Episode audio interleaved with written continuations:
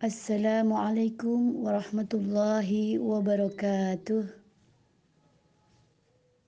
الحمد لله الذي هدانا لهذا وما كنا لنهتدي لولا أن هدانا الله. أشهد أن لا إله إلا الله وأشهد أن محمدا عبده ورسوله. لا نبي بعده. أخوة في الله kajian online Majelis Dunia Akhwat yang semoga selalu dirahmati Allah, diberikan petunjuk dan selalu dalam naungan maghfirahnya. Allahumma amin.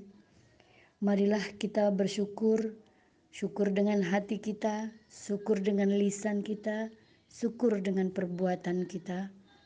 Dengan lisan kita terutama biqaulil hamdulillah. Semoga kita selalu bisa bersyukur dalam kondisi apa pun.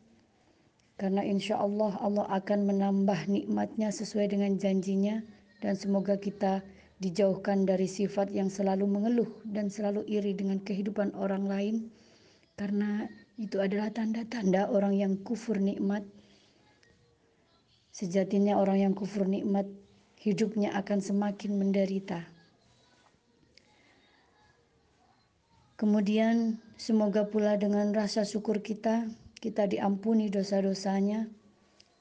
Sebagaimana Rasulullah bersabda dari Jabir bahwa Allah tidak memberi suatu nikmat kepada seorang hamba. Kemudian ia mengucapkan Alhamdulillah kecuali Allah subhanahu wa ta'ala menilai ia telah mensyukuri nikmat itu.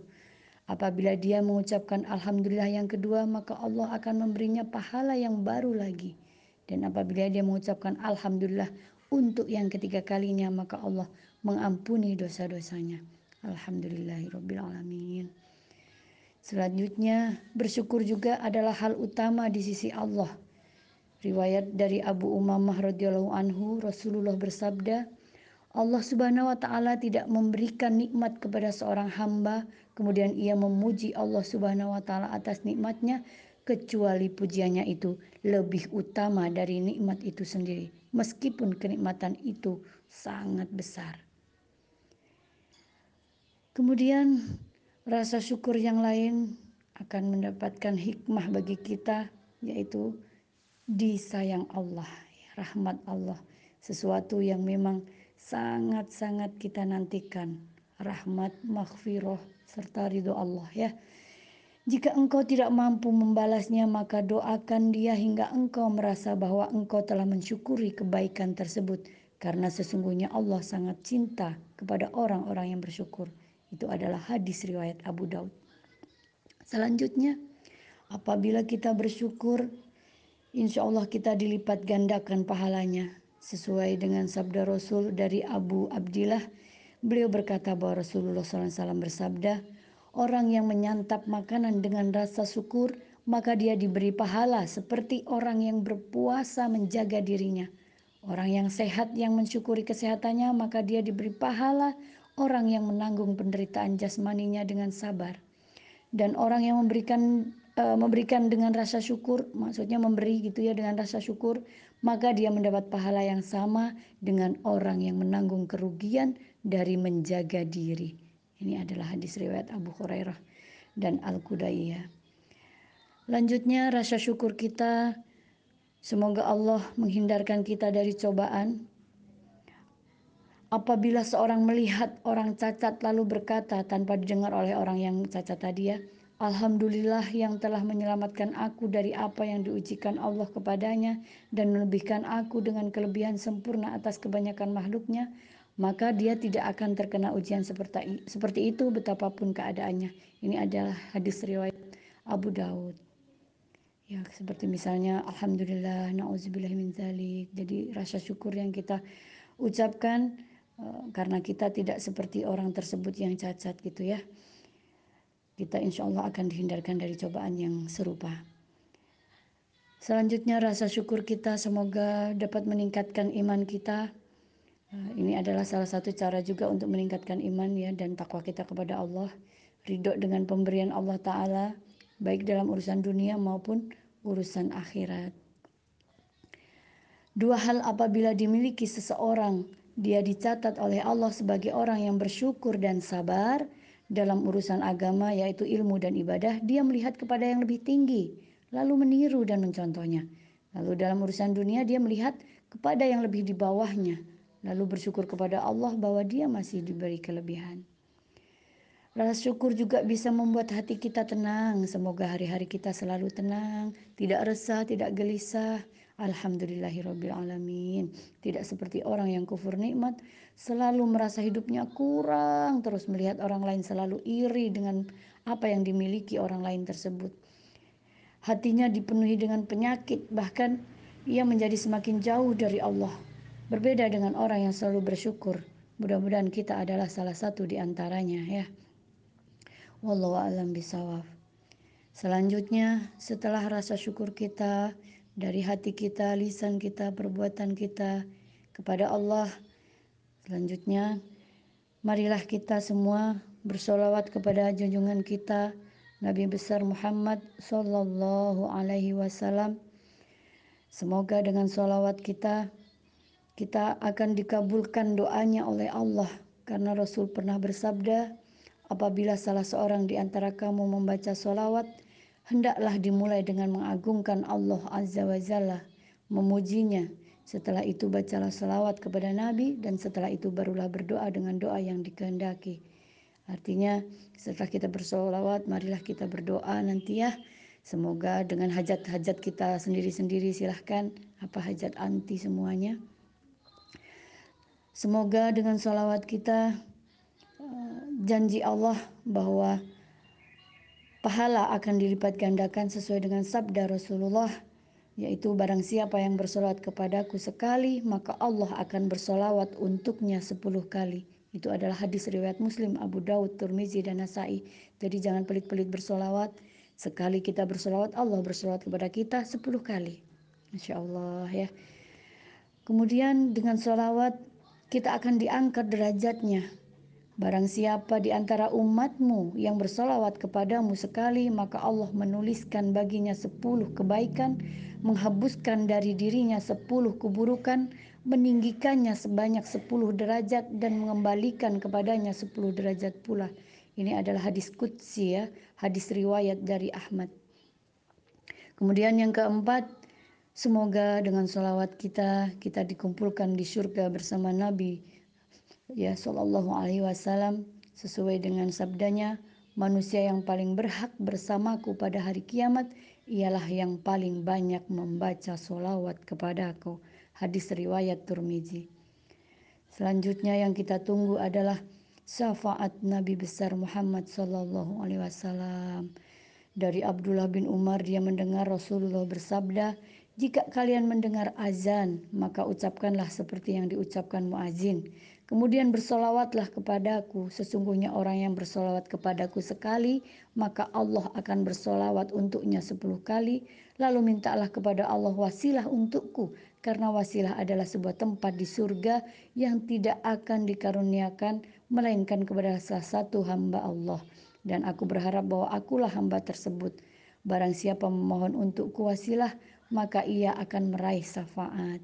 Masya Allah. Uktifillah jamaah kajian online Majelis Dinia Akhwat yang semoga dirahmati Allah. Hari ini kita membahas sirah sahabiah Ummul Mukminin Sayyidah Sofiyah binti Hayyun radhiyallahu anha. Beliau adalah wanita bangsawan yang mulia dari golongan kaum Yahudi. Beliau adalah wanita yang sangat uh, baik budi pekertinya, akhlaknya mulia, Beliau orang yang berhati lembut, yang sangat cerdas. Beliau orang yang sangat cantik jelita, serta mempunyai dua mata yang selalu berkaca-kaca, yang bening artinya ya. Beliau nama aslinya adalah Sofia. Ada pendapat yang mengatakan namanya sebelum menjadi tawaran kaum muslimin itu adalah Zainab, tapi yang lebih masyur adalah aslinya adalah Sofia. Ayahnya adalah Hayun bin Akhtab bin Sa'iyah bin Amr bin Ubaid bin Ka'ab al-Hajraj bin Abu Habib an-Nazir bin An-Naham bin Yanhum dari Bani Israel dan juga keturunan Harun bin Amran Nabi Harun alaihissalam. Ibunya bernama Barah bin Samuel saudari Rifaah dari Samuel dari Bani Quraizah nah, saudara Bani Nazir. Jadi beliau adalah pemimpin wanita dari kaum Bani Nazir maupun Quraizah. Dari nasab dan dari segi uh, keturunan serta kebangsawanannya beliau adalah uh, petinggi-petinggi yang terhormat ya. Uktifillah jika terjadi banyak sekali riwayat yang berbeda tentang Sofiah uh, binti Hayun ini tidak lain adalah karena banyak sekali yang meriwayatkan karena kejadiannya ini mutawatir ya disaksikan oleh banyak orang. Otomatis cerita dari berbagai sumber uh, saat itu itu banyak. Sehingga tidak perlu membuat kita bingung. Uh, kita satukan saja uh, sehingga menjadi kesimpulan yang uh, menyeluruh. Ukstifillah Ofan karena Umi sambil safar jadi mungkin suaranya agak bergelombang dan berhenti-berhenti ya. Baik diawali dari perjanjian Hudaybiyah yang dilakukan oleh Nabi beserta kaum muslimin terhadap kaum Yahudi dan kaum kafir Quraisy yang mana perjanjian tersebut uh, sangat berat sebelah tapi Allah Maha Kuasa untuk memutarbalikkan bahwa kerugian besar sebenarnya ter, uh, terdapat pada mereka musuh kita, musuh kaum muslimin. Uh, diawali dari mereka yang sering sekali melanggar perjanjian-perjanjian yang telah disepakati, kemudian terutama kaum Yahudi sering sekali menteror, melanggar perjanjian yang sangat merugikan kaum muslimin sehingga uh, terjadi pengusiran kaum Yahudi dari Madinah karena sangat membahayakan bagi agama Islam. Uh, kemudian kaum Yahudi beserta kaum kafir Quraisy bersekutu menyerang kaum muslimin di Madinah. Terjadilah perang Khandak yang kemenangan besar yang ada pada kaum muslimin. Allah memberikan kemenangan kepada kaum muslimin kemudian dari perang Khandak eh, mental mereka sudah sangat uh, terpukul sebenarnya. Tapi kaum Yahudi tidak henti-hentinya untuk uh, mengganggu kaum muslimin. Sehingga mereka yang ada di Khaybar kaum Yahudi mereka kan dari Madinah. Mereka hijrah ke Khaybar dan bermukim di sana. Sehingga di Khaybar ini sangat terkenal sekali kekuatannya. Bentengnya berlapis-lapis dan benteng yang paling kokoh adalah benteng Kamus yang dijaga oleh Kinanah. Kinanah, Kinanah ini adalah suami Safiyah saat itu. Pada paruh kedua bulan Muharram, Rasulullah pergi ke Khaybar, tempat bersarangnya musuh yaitu kaum Yahudi saat itu ya. Tidak ada yang lebih menggembirakan di sana kecuali ketika didengungkan ucapan Allah Maha Besar, Allahu Akbar. Haibar telah runtuh, kita telah menguasai daerah penduduknya. Pagi ini adalah waktu kehancuran bagi mereka. Itu adalah sesuatu yang sangat melegakan sekali karena perang Khaybar ini memang dijanjikan kemenangan oleh Allah kepada kaum muslimin dan dijanjikan Allah uh, mendapatkan harta yang sangat banyak.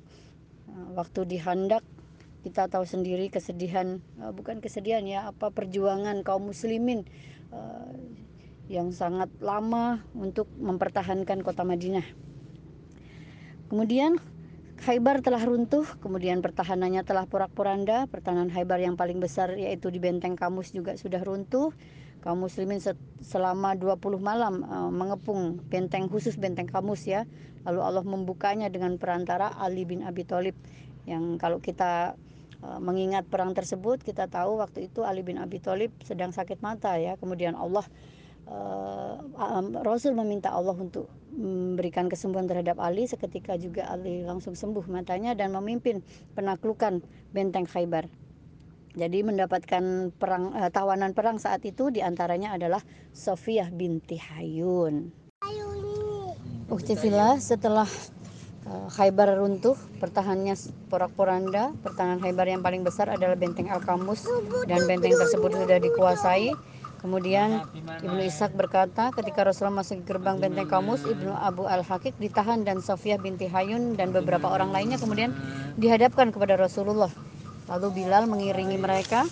Nah, sementara bersama Sofiyah ada sepupunya yang meraung-raung kemudian menaruh uh, pasir di atas kepalanya, kemudian merobek-robek bajunya, menjerit-jerit uh, sehingga dihadapkan memukul-mukul wajahnya sehingga sampai dihadapkan kepada Rasulullah. Rasulullah kemudian berkata, "Wahai kalian jauhkan setan perempuan ini dariku." Sementara Sofiah dengan tenangnya menghadap kepada beliau. Kaum muslimin mengerti bahwa Rasulullah memilih beliau setelah uh, Rasulullah menyuruh Sofia berada di belakangnya dan memberikan pakaian sendiri kepadanya. Rasulullah memerintahkan kaum muslimin untuk mengeluarkan kaum Yahudi dari Madinah saat itu karena kebanyakan dari mereka pergi ke Khaybar uh, termasuk ayah Sofia Hayun, pemimpin Bani An-Najir dan Bani Abu Al-Hakik ya. Saat itu Sofia memasuki usia balik yaitu uh, umur uh, menjelang 16-17. Saat memasuki usia balik ini dia dinikahi oleh Salam bin Muskam. Setelah itu menikah dengan Kinanah. Uh, setelah itu saat menikah dengan Kinana, kemudian uh, Rasul menyerbu Khaybar dan masih menjadi pengantin baru ya terhadap Kinana. Kemudian terbunuh Kinana pada bulan Muharram tahun ke-7 Hijriah. Ketika menjadi pengantin dengan Kinanah bin Rabi'ah Abu Al-Hakik, Sofiyah bermimpi melihat uh, rembulan jatuh di kamarnya. Lalu mimpinya itu diberitahukan kepada suaminya. Suaminya uh, berkata, takwil mimpi ini tidak berarti apa-apa kecuali kamu berangan-angan mendapatkan Raja Hijaz yaitu Muhammad. Karena saking marahnya setelah itu suaminya menampar wajahnya hingga berbekas saat menghadap kepada Rasulullah. Jadi pipinya e, membiru ya. Sofia lalu dihadapkan kepada Rasulullah dengan bekas tamparan tersebut. Beliau bertanya apa itu, lalu diceritakan kejadian yang menimpanya. Uktifillah karena keterbatasan waktu dan keterbatasan uh, kondisi ya. Maaf karena rame di sini uh, ada Ayib yang mengikuti. Uh, kita tidak akan membicarakan bagaimana kebencian kaum Yahudi kepada Rasulullah ya karena waktunya sangat sempit. Uh, sehingga sebenarnya ini sangat penting. Kenapa? Sehingga opininya tidak tidak terjadi kok betapa muslim kejam gitu. Enggak ya karena itu kaum orientalis kan karena tidak tahu apa-apa biasanya menyimpulkan bahwa muslim kejam. Pasti ada penyebabnya. Kenapa sampai kita uh, memburu kaum Yahudi sampai di Khaybar dimusnahkan gitu dimusnahkan dalam arti ditaklukkan karena mereka memang sangat-sangat uh, ngeyel kita kalau mempelajari surat Al-Baqarah kita tahu bagaimana sifat-sifat orang-orang Yahudi baik bagaimana Rasulullah memilih Safiyah jadi diriwayatkan dari Imam Muslim Uh, dia berkata, ketika tawanan di Khaybar dikumpulkan, Dahiyah meminta budak perempuan kepada Rasulullah. Lalu beliau berkata, pergilah dan ambillah satu budak perempuan. Dia lalu pergi dan mengambil Safiyah. Kemudian ada seseorang yang menemui Rasulullah dan berkata kepadanya, Anda telah memberi Dahiyah seorang budak perempuan bernama Safiyah binti Hayun, pemimpin perempuan Bani Quraizah dan Bani Nazir. Oh Rasulullah, Safiyah tidak layak didapatkan orang lain kecuali Anda sendiri, wahai Rasulullah.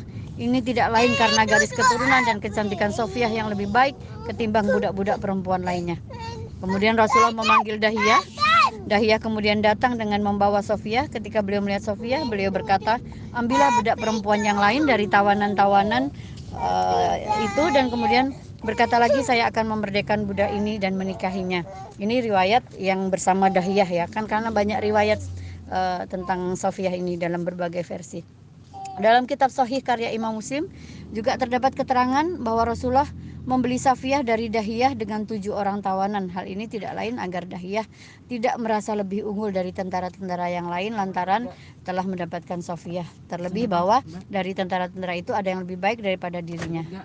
Nah, di antara budak Rasulullah diberikan kepadanya adalah saudari Kinanah binti Rabi, suami Safiyah ya, dari putri pamannya sebagai pemenang, uh, penenang hatinya. Jadi keterangan ini juga disampaikan Imam Syafi'i dalam karyanya Al-Um, juga Ibnu Ishaq juga lainnya. Jadi Imam Nawawi juga mengomentari hadis uh, yang diriwayatkan oleh Imam Muslim tersebut terkait sikap Rasulullah mengambil Sofiyah. Nah, Imam Nawawi mengomentari hadis yang diriwayatkan oleh Imam Muslim sebagai berikut ya. Kenapa Rasulullah mengambil Sofiyah dari Dahiyah? Pertama, agar pengambilan budak perempuan sesuai dengan kehendak Rasulullah dan beliau mengizinkan Dahiyah mengambil budak perempuan selain Safiyah. Yang kedua, Rasulullah mengizinkan tawanan yang diambil Dahiyah yang mempunyai kedudukan biasa bukan yang paling terhormat. Ketika Rasulullah tahu bahwa dia mengambil tawanan perempuan yang uh, mempunyai garis keturunan terhormat, kemuliaan dan kecantikan yang paling sempurna dari kaumnya, beliau memintanya untuk mengembalikan tawanan itu karena beliau tidak mengizinkan Sofia berada padanya dan beliau juga mempertimbangkan bahwa uh, menyetujuinya akan terjadi ketidakadilan. Pertama karena Dahiyah akan terlihat lebih istimewa dengan tawanan itu dibanding tentara-tentara yang lain. Hal itu akan menjatuhkan martabat tawanan itu juga dan karena tawanan tersebut adalah putri dari pemimpin kaumnya. Terus kemudian dikhawatirkan tawanan tersebut akan merasa lebih tinggi daripada Dahiyah lantaran martabatnya kalau seandainya tawanan tersebut jadi uh, budaknya. Yang kemudian akan sangat uh, mungkin terjadi perpecahan di antara keduanya atau akan terjadi hal lain yang tidak diinginkan. Kemudian Ya, Rasulullah mengambil kembali tawanan tersebut yaitu Sofia dalam rangka untuk menghindari terjadinya kemungkinan-kemungkinan buruk tersebut. Dan diambilnya lagi tawanan itu ya kompensasinya ditanggung oleh Dahya sebab uh, ya kompensasi yang harus ditanggung Dahya oleh sebab tersebut itu nggak ada lagi gitu. Jadi Sofia termasuk juga bagian dari khonimah yang diterima Dahiyah waktu itu. Kemudian Rasulullah membelinya dengan tujuh orang budak dimaksudkan agar Sofiah masuk dalam bagian khonimah yang diterima Dahiyah waktu itu ya adalah karena Sofiah uh, khonimah yang diterima Dahiyah atas izin yang diberikan Rasulullah saat itu. Jadi riwayat lain yang menjelaskan tentang itu bisa sesuai dan bisa bertentangan satu sama lain. Jadi nanti kalau misalnya menemukan riwayat-riwayat yang bertentangan karena yang meriwayatkan banyak silakan uh, disatukan uh, menjadi satu kesatuan insya Allah tidak terjadi pertentangan yang signifikan. Al-Qadi berkata, e, yang jelas bagi saya adalah bahwa Sofia merupakan tawanan karena dia adalah istri Kinanah bin Rabi. Kinanah bin Rabi dan keluarganya dari Bani Abu Al-Hakik berdamai dengan Rasulullah. Beliau memberi syarat kepada mereka agar mereka tidak menyembunyikan harta simpanan.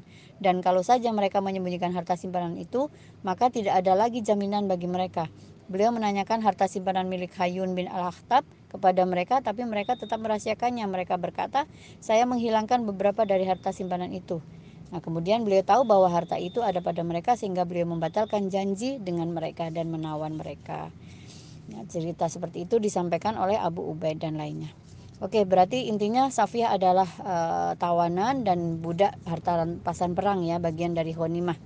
Ini juga uh, riwayat masyhur mengatakan begitu. Kemudian karena bagian dari harta rampasan perang yang uh, akhirnya jatuh ke tangan Rasulullah, jadi Sofiyah di antara tanda kebijakan Rasulullah adalah bahwa beliau memberikan pilihan kepada Sofiyah. Ibnu Sa'ad berkata ketika Sofiyah dihadapkan kepada Nabi, dia berkata, ayahmu tidak henti-hentinya menjadi orang Yahudi yang sangat memusuhiku sampai Allah membunuhnya.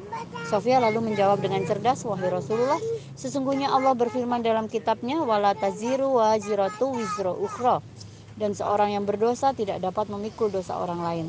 Rasulullah kemudian berkata kepadanya, pilihlah jika kamu memilih memeluk Islam maka saya akan menikahimu dan jika kamu memilih tetap menjadi orang Yahudi maka saya akan memerdekakanmu dan kamu bisa menemui kaummu. Safiyah kemudian menjawab, wahai Rasulullah saya sudah berkeinginan memeluk Islam dan membenarkan anda sebelum anda memanggilku dan menjadi tawanan anda.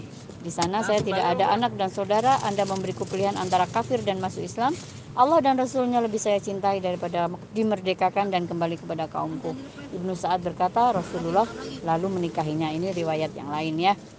Jadi eh, dalam riwayat tersebut Sofia sebenarnya sudah membenarkan Rasul dari sebelum eh, Rasulullah menaklukkan Khaybar. Bahkan saat menjadi pengantinnya Kinanah beliau bermimpi rembulan jatuh di kamarnya yang kemudian diceritakan kepada Kinanah justru mendapatkan tamparan dari suaminya tersebut ya, karena menghayalkan dikira menghayalkan uh, berangan-angan menjadi istri Rasulullah. Jadi dalam hadis yang diriwayatkan oleh Anas juga terdapat keterangan bahwa ketika Rasulullah mengambil Sofia, beliau berkata kepadanya, "Apa kamu ingin saya nikahi?" Sofia menjawab, "Wahai Rasulullah, saya benar-benar memimpikan hal itu ketika masih dalam keadaan musyrik, terlebih bila Allah memberiku kesempatan untuk mewujudkannya dan saya sudah memeluk Islam dengan senang hati saya terima."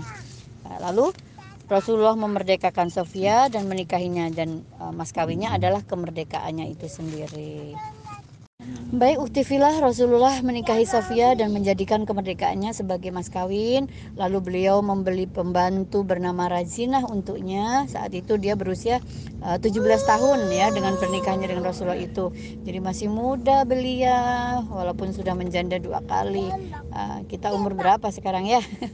Baik, maka mimpi Sofia ini telah menjadi kenyataan. Dalam kitab Tarikhul At-Tabari diceritakan bahwa ketika Sofia dan orang yang bersamanya dihadapkan kepada Rasulullah ya seperti yang tadi ya Bilal berjalan melewati mayat-mayat orang Yahudi yang tewas akibat peperangan tersebut. Eh, kalau Sofia menahan suara dan tidak berteriak sedangkan perempuan yang bersamanya di riwayat yang lain adalah sepupunya ya berteriak dan memukul wajah dan menaruh pasir di atas kepalanya mukul-mukul badannya memukul mukanya. Lalu eh, mereka berdua dihadapkan kepada Rasulullah Lalu Rasulullah memisahkan orang yang berteriak tersebut. Uh, beliau berkata dengan sungguh-sungguh kalian jauhkan setan perempuan ini dariku. Sedangkan uh, Sayyidah Sofia Rasulullah menyuruhnya untuk beranjak ke belakang beliau dan beliau memberi jubahnya. Kemudian kaum muslimin mengerti bahwa Rasulullah uh, telah memilihnya untuk menjadi untuk dirinya sendiri. Waktu itu kaum muslimin tidak tahu apakah mau dijadikan budaknya atau dijadikan istrinya. Jadi Ibnu Abdul Bar berpendapat bahwa ketika para tawanan Khaybar dikumpulkan, Rasulullah didatangi Dahiyah. Kemudian berkata, berilah saya budak. Seperti yang Umi ceritakan tadi ya. Ya kurang lebihnya seperti itu karena riwayatnya berbeda-beda ini. Dengan sisi yang berbeda. Yang intinya, eh, ambillah budak perempuan dari tawanan selain dia. Artinya jadi Sofiah menjadi uh, budaknya Rasulullah. Jadi harta khanimahnya Rasulullah. Saat itu tidak tahu apakah akan menjadi istrinya apa akan menjadi budaknya para sahabat tidak mengetahui Para ulama berkata Rasulullah menikahi Safiyah binti Hayun bin Akhtab, pemimpin Bani An-Nadir yang juga anak Harun bin Amran, saudara Musa. Nah, Safiyah termasuk keturunan seorang nabi, istri seorang nabi, dan juga termasuk perempuan paling cantik di dunia. Nah, dia juga menjadi budak perempuan Rasulullah yang kemudian beliau dimerdekakan. Beliau menjadikan kemerdekaannya itu sebagai mas kawin untuknya. Ya, hal itu menjadi tauladan bagi umat sampai sekarang dan yang akan datang sampai hari kiamat agar seorang laki-laki memerdekakan budak memerdekakan budak perempuan dan menjadikan kemerdekaan itu sebagai mas kawin sehingga budak perempuan itu menjadi istri tanpa harus mengulang akad pernikahan dan adanya orang wali. Jadi pendapat ini menurut mazhab Imam Ahmad dan uh, para ahli hadis ya. Jadi banyak sekali hikmahnya ya, banyak mengeluarkan hukum-hukum jadi. Beberapa ulama juga berkata hal ini merupakan keistimewaan Rasulullah yang diberikan Allah kepadanya dalam kaitannya dengan pernikahan, bukan untuk umat Islam keseluruhan. Jadi pendapat ini menurut tiga orang imam dan para ulama yang sependapat dengan mereka. Sebagai, seperti dalam surat Al-Ahzab ya, sebagai khususan bagimu bukan untuk semua orang mukmin. Kholisatan laka min dunil mukminin. Tetapi pendapat yang sahih adalah pendapat pertama ya, hukum asal tidak adanya kekhususan kecuali jika ada dalil yang uh, menunjukkan adanya kekhususan tersebut. Jadi menjelang pesta pernikahan Rasulullah tidak meninggalkan Khaybar sampai Sofia suci dari haid. Setelah suci beliau lalu meninggalkan Khaybar tetapi pada saat itu di antara keduanya belum terjadi ikatan pernikahan. Ketika unta didekatkan kepada Rasulullah agar dinaiki, beliau menggeser kakinya agar Sofia mendapatkan tempat di sisinya dan beliau bisa memangkunya. Tetapi dalam riwayat Sofia menolak dan Allah meletakkan lututnya di atas paha Rasulullah. Nah setelah itu beliau menutupi Sofia dengan jubahnya dan memboncengnya di belakang beliau. Rasulullah lalu membawa Sofia dan menitipkan di rumah istri-istri beliau. Jadi saat itu Sofia Sofia belum berkenan karena uh, khawatir masih menjadi banyak Yahudi ya. Ketika Rasulullah berada di Sahban yang berjarak 12 mil dari Khaybar, Rasulullah berkata kepada Ummu Sulaim, kalian harus membantu teman perempuan kalian ini dan tolong kalian dandani dia. Beliau ingin melangsungkan pesta pernikahan dengan Sofiyah di sana. Jadi Ummu Sulaim berkata, wahai Rasulullah, kami tidak punya tenda dan kemah. Ummu Sulaim lalu mengambil dua pakaian dan membentangkan pada sebuah pohon lalu mendandani Sofia dan mengoleskan minyak wangi kepadanya. Jadi Ummu Sunan al-As Aslamiyah berkata, saya termasuk orang yang hadir di pesta pernikahan Rasulullah dengan Sofiyah. Kami mendandaninya dan mengoleskan minyak wangi. Seorang pembantu perempuan mengambil perhiasan yang paling bagus di antara mereka. Saya tidak pernah menemukan aroma yang lebih harum daripada malam itu. Kami tidak sadar sampai ada yang mengatakan bahwa Rasulullah masuk dan menemui keluarganya. Kemudian Rasulullah berjalan menuju Sofia. Berdi, Rasul Sofia menyambut beliau. Ketika itu kami telah selesai mendandaninya. Kami lalu ya, kami lalu keluar meninggalkan beliau. Beliau menikahi di, menikahi Sofia di sana dan bermalam bersamanya. Jadi ini riwayat uh, yang lain ya. Saat pagi kami pergi menemui Sofia yang sedang uh, mandi ini dari sahabat perempuan. Kami lalu pergi bersamanya sampai kami tidak terlihat oleh pasukan. Masya Allah, Umi tidak perlu menceritakan lebih lanjutnya ya. Jadi malam itu Rasulullah tidak tidur dan selalu berbincang-bincang dengan Sofia. Lalu beliau berkata kepadanya, apa yang membuat yang kamu rasakan atas sesuatu yang saya lakukan ketika saya ingin turun pertama kali sampai saya bertemu denganmu? Sofia menjawab, saya mengkhawatirkan Anda kalau dekat dengan kaum Yahudi. Maksudnya waktu Sofia menolak Rasulullah saat itu, kenapa? Karena khawatir uh, Rasulullah dekat dengan kaum Yahudi. Itu adalah keterangan Sofia kepada Rasulullah setelah waktu memasuki pagi. Rasulullah menikahi Sofia binti Hayun, kemudian bersama beliau selama tiga hari, kemudian uh, membuat uh, hais dalam permadani kecil, lalu berkata kepada Anas bin Malik, panggillah orang-orang di sekelilingmu. Kemudian Anas berkata, saya lalu memanggil orang-orang untuk menghadiri pesta pernikahan Rasulullah dengan Sofia. Jadi di sana tidak ada roti dan juga daging, tidak ada apa-apa kecuali beliau menyuruh Bilal uh, membeber permadani, lalu beliau menaruh kurma, keju dan mentega itu adalah hais. Lalu saya melihat Rasulullah menutupi Sofiyah di belakang beliau dengan jubah.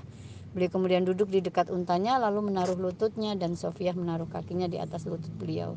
Uh, mesra ya wah kakak ikutan dengerin kemudian ada hijab yang panjang antara Sofiyah dengan kami maksudnya kami para sahabat ya Lalu saat malam gelap gulita, Rasul masuk ke dalam kemah dan berkumpul bersama keluarganya dengan penuh perasaan tenang dan sangat ridho. Hanya saja Ah, bagaimana kaum muslimin bisa tenang meninggalkan Nabi ya ah, tanpa penjagaan? Kalau kenyataannya beliau lebih mereka cintai daripada diri mereka sendiri. Ah, kita gimana ya? Apakah masih mencintai diri sendiri daripada Rasul? Bagaimana kita bisa mencapai tingkatan bahwa Rasul lebih kita cintai daripada diri kita sendiri? Ya Masya Allah jadi perempuan yang dinikahi beliau saat itu masih sangat muda belia. Beliau telah membunuh suami, maksudnya eh, suaminya sudah meninggal, ayahnya sudah meninggal, para pembesar kaumnya juga begitu, saudara-saudaranya juga begitu. Nah dengan kondisi seperti itu wajar kalau dalam benak seseorang dia perlu diwaspadai.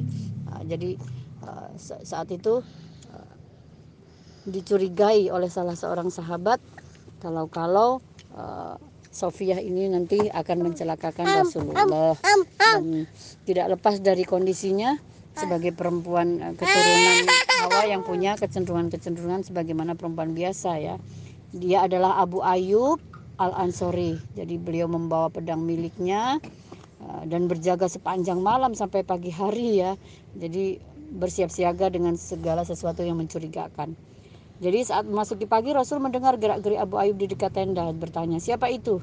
"Saya, ya Rasulullah, saya Abu Ayub." Rasulullah bertanya, "Kenapa engkau Abu Ayub?"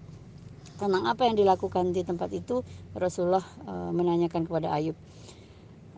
Jadi Abu Ayub menceritakan bahwa beliau sangat e, mengkhawatirkan Rasulullah intinya ya dan menjaga Rasulullah sampai pagi hari karena apa? Karena belum percaya dengan Sofia Sementara sebelumnya terjadi insiden ya, terjadi insiden uh, kita pernah mendengar mungkin kisahnya Rasulullah diberikan uh, paha kambing oleh seorang uh, perempuan dari kaum Yahudi juga yang keluarganya sudah meninggal gitu yang diberi racun. Kemudian setelah Rasul makan diberita uh, di, ya diberi diberitakan oleh malaikat bahwa itu beracun. Kemudian Rasul memuntahkannya tapi adalah salah seorang sahabat yang uh, udah terlanjur memakan sehingga beliau uh, meninggal di tempat. Jadi saat itu Zainab binti Haris ya meracuni Nabi. Dan kemudian salah satu uh, sahabat yang meninggal yaitu Bashir bin Barra meninggal karena keracunan tersebut. Setelah dipanggil Zainab binti Haris tersebut, uh, beliau mengatakan bahwa uh, hanya mengetes kalau seandainya benar Rasulullah itu adalah nabi pasti tahu bahwa itu beracun akan diberitahu oleh malaikat gitu. Sementara setelah tahu Zainab uh, langsung masuk Islam karena ada sahabat salah satu sahabat yang meninggal dia tetap dihukum mati uh, karena menebus kematian Bashar bin Bara setelah menjadi istri Rasulullah bukan satu hal uh, yang mudah bagi Sofia ya walaupun sangat bahagia menjadi orang yang mulia mendampingi orang yang sangat mulia dan paling mulia tapi Sofia di sini mengalami beberapa penderitaan ya tertekan karena kita tahu sendiri kaum Yahudi sangat bermusuhan dengan kaum muslimin jadi eh, Sofia bahkan dari budak, para sahabat dan bahkan istri-istri Rasul sangat memandang sebelah mata kepada Sofia. Uh, saat itu ketika Sofia uh, dibawa Rasulullah ke Madinah kemudian orang-orang menjenguk Sofia para budak pada mengumpat istri Rasul melihat juga uh, termasuk Sayyidina uh, Aisyah menemui Sofia melihat ya tanpa berkata menengok saja melihat dari jauh dan memberikan salam. Biasa ada kebiasaan Rasul ketika Rasul membawa istri mereka memberi selamat. Nah, Rasulullah melihat Sayyidina uh, Aisyah keluar dan kemudian uh, mencoleknya terus menarik bajunya dan menanyakan apa yang kamu lihat? Saya tidak melihat kecuali orang Yahudi. Karena sebenarnya kan Sayyidah Sofia ini sangat cantik jelita mungkin Aisyah uh, ada rasa cemburu. Sehingga Rasulullah uh, menyampaikan janganlah berkata begitu sesungguhnya dia sekarang menjadi muslim yang baik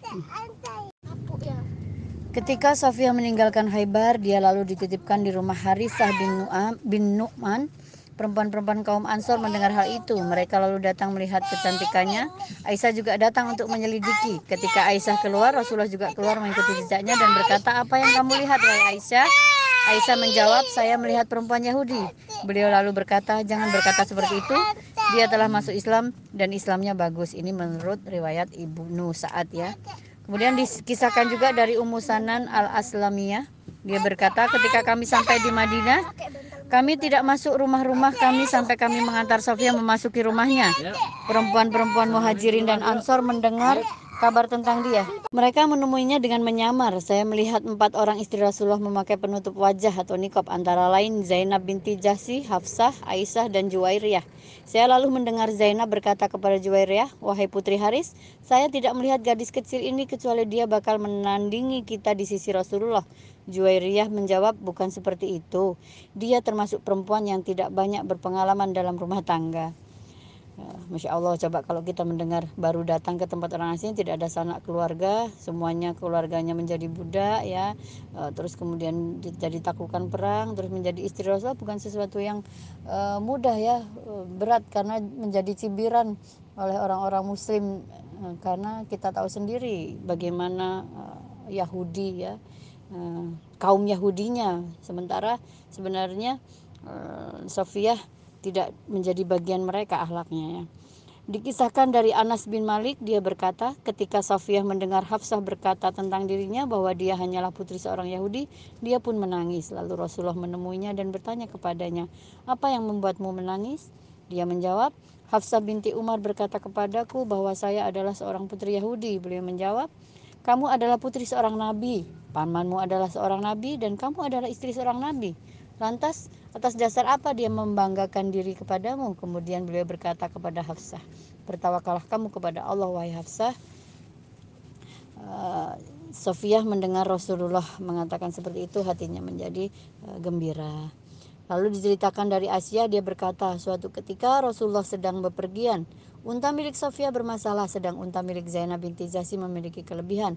Beliau lalu berkata kepada Zainab, unta milik Sofia bermasalah, andai saja kamu mau memberinya unta. Zainab menjawab, saya memberi perempuan Yahudi itu. Beliau lalu meninggalkan Zainab selama dua bulan, eh, selama bulan Zulhijjah dan Muharram ya, selama dua bulan atau bisa jadi tiga bulan dan tidak menemuinya. Zainab berkata, sampai saya merasa putus asa dengan Rasulullah.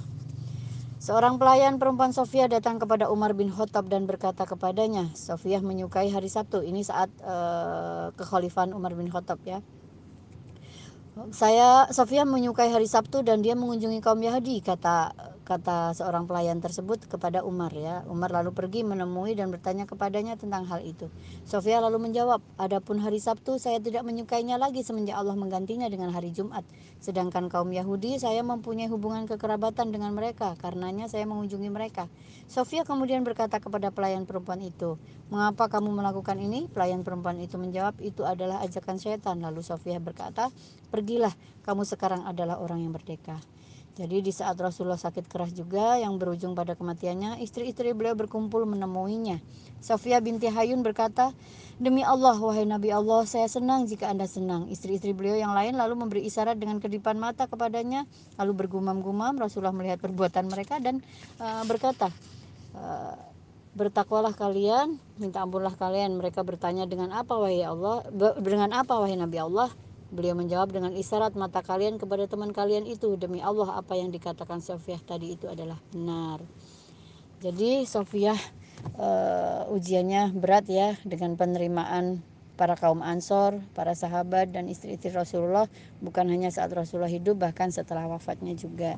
Jadi uh, ada keterangan lain saat ketika Usman dikepung keledai betina, Sofia datang untuk membantu mengusirnya. Al-Asar lalu datang dan turut mengusir keledai-keledai betina itu dengan menampar salah satu kepala keledai itu. Sofia lalu berkata, "Usir semua keledai itu dan jauhkan dari kami." Beberapa saat setelah itu, Sofia membentangkan sepotong kayu berlubang di antara rumahnya dan rumah Usman untuk memudahkan pengambilan air di antara keduanya. Jadi sebenarnya Sofia ini orang yang berhati lembut, sabar dan diamnya menjadi uh, ciri khasnya beliau ya. Sofia adalah perempuan yang memulai perasaan yang halus. Dia menangis karena mendengar lantunan Quran. Jadi Sofia juga uh, orang yang sangat mulia, baik hati dan sabar. Kemudian Sofia meninggal tahun 50 Hijriah. Semoga Allah merahmati Sofia, Ummul Mukminin, senantiasa tercurah kepada Sayyidah Ummul Mukminin Sofia binti Hayun. Wallahu a'lam bisawaf. Sebenarnya banyak sekali yang ingin Umi sampaikan, ini juga sudah banyak. Jadi mohon maaf atas ketidaklancaran uh, kajian online kali ini. Jika ada yang mau di ada yang ditanyakan, monggo silahkan. Keluar dari tema juga tidak apa-apa. Uh, kita mengambil ibroh dan hikmah dari Ummu Sofiyah bahwa sebenarnya ber, dari mana pun kita berasal, bagaimanapun kita, apa pun masa lalu kita, uh, yang dinilai Allah dan Rasulnya adalah saat sekarang dan ke depannya. Jadi uh, kesudahan dari semuanya yaitu menjelang kematian. Jadi jangan menilai orang dari uh, mana-mananya, bahkan uh, justru nilai orang dari ketakwaannya kepada Allah. Betapa mulianya seseorang kadang memang ujian-ujian hal-hal yang seperti ini sepertinya kecil tapi menjadi hal satu yang besar. Tapi bukan berarti kita melakukan kesalahan uh, kemudian uh, kita tidak beristighfar ya. Ketika kita melakukan kesalahan kita langsung beristighfar kepada Allah. Istri-istri Rasul begitu tidak bisa dipungkiri kemanusia apa namanya sifat-sifat kemanusiawiannya ya ada iri, ada cemburu, ada ketidaksukaan. Tapi ketika mereka melakukan sesuatu eh, yang mendidik adalah Rasulullah, Rasulullah langsung suruh meluruskan hatinya, minta ampun kepada Allah, begitu terus ya. Jadi bagi kita ketika kita melakukan kesalahan jangan merasa kecil hati, ketika kita melakukan kebaikan jangan merasa bangga diri bahwa amal ibadah kita yang bisa menolong kita bukan semua atas rahmat Allah. Kita hanya berikhtiar dan kita jangan berkecil hati karena ampunan Allah itu sangat besar. Wallahu alam bisawab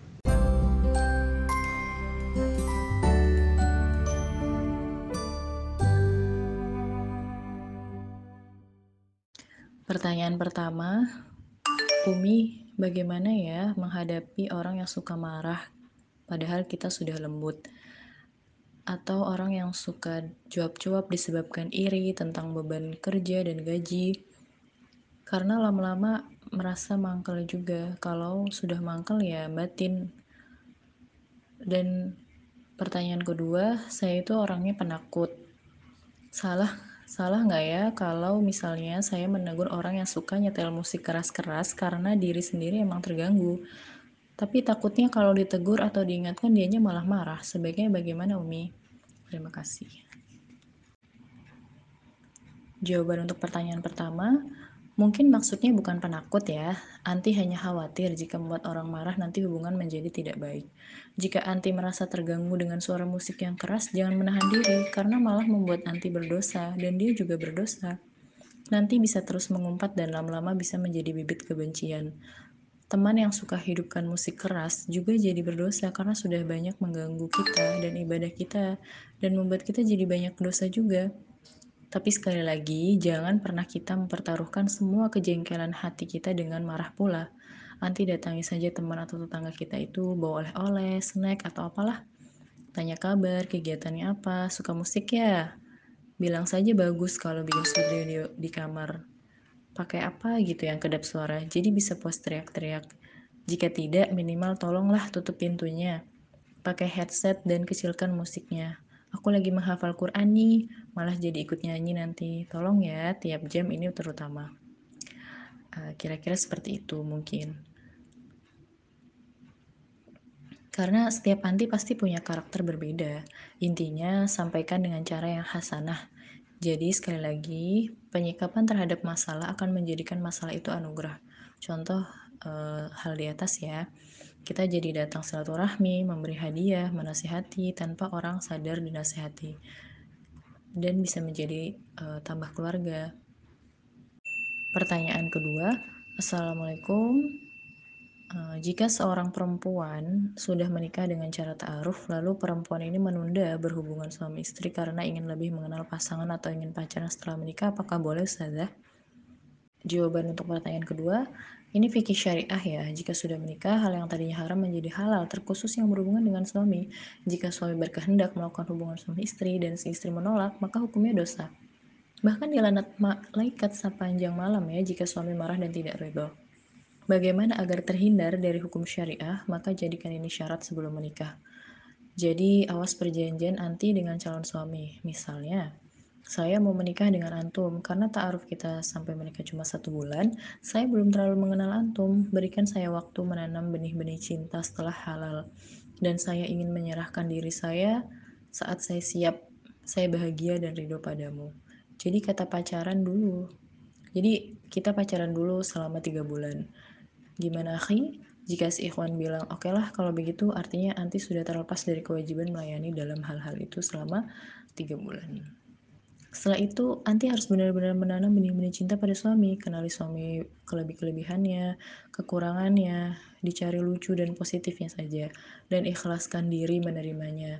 Bikin uh, surat-surat bima, uh, WhatsAppan mesra, bikin bekal dengan pesan-pesan cinta.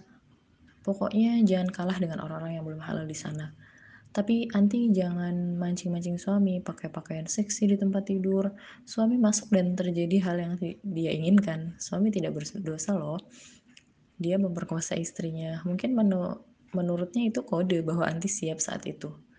Apa nih ya, jika Umi terlalu vulgar, intinya boleh jika diadakan perjanjian sebelum menikah dan suami tidak keberatan. Tapi kalau suami tidak tahan, suami tidak berdosa. Hanya dosa tidak menepati janji saja maka anti juga harus bantu suami. Dan jika tidak uh, dan jika yang tidak tahan itu anti ya otomatis perjanjian batal dengan sendirinya. Jadikan semua hal adalah ibadah kita kepada Allah dan jadikan ibadah apa pun menjadi asyik. Tidak semua kebahagiaan itu menyenangkan karena hal-hal bersusah payah, kesedihan, perjuangan, kesabaran, dan lain-lain, hasil akhirnya adalah kebahagiaan. Jika semua adalah rangkaian dari proses, kita semua menghadapi segala sesuatu.